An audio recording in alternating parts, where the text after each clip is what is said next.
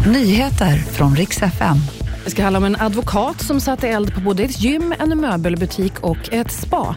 Och om Eurovision Song Contest. Nu är det klart vem som leder tävlingen i år. En advokat döms idag för att han har satt eld på möbelbutiken Mio, ett Friskis och Svettisgym och Ystad Saltsjöbad. Allt det här inom loppet av några timmar. Bara dagar innan startade han dessutom en brand i en kyrka i Växjö. Och det här är en man i 40-årsåldern som nekar till brott och säger att det är inte han som syns på övervakningskamerorna. Det här köpte inte rätten. Han döms nu till fyra fall av mordbrand och fem och ett halvt års fängelse.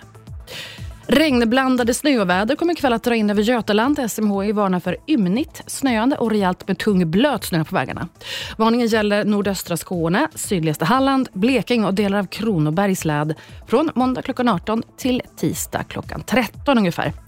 Och polisen har hittat fler bullar preppade med metallföremål. Det här har jäckat polisen i Malmöområdet länge och skadat hundar och andra djur. Nu har det dykt upp igen. Det är ett 20-tal bullar som man hittat vid Kirseberg. Förra året greps en kvinna på bar gärning och nu misstänks hon för det här igen. Och idag släpptes det vem som blir programledare för Eurovision Song Contest. Och den hålls ju i Sverige i Malmö i år och det blir för tredje gången tittarnas favorit Petra Mede. Den här gången får hon sällskap av den svenska skådespelerskan och Hollywoodstjärnan Malin Åkerman. Att vara en del av detta, säger Malin, och dessutom är Petra Mede är inget annat än en dröm. Och Det var nyheterna. Jag heter Maria Granström.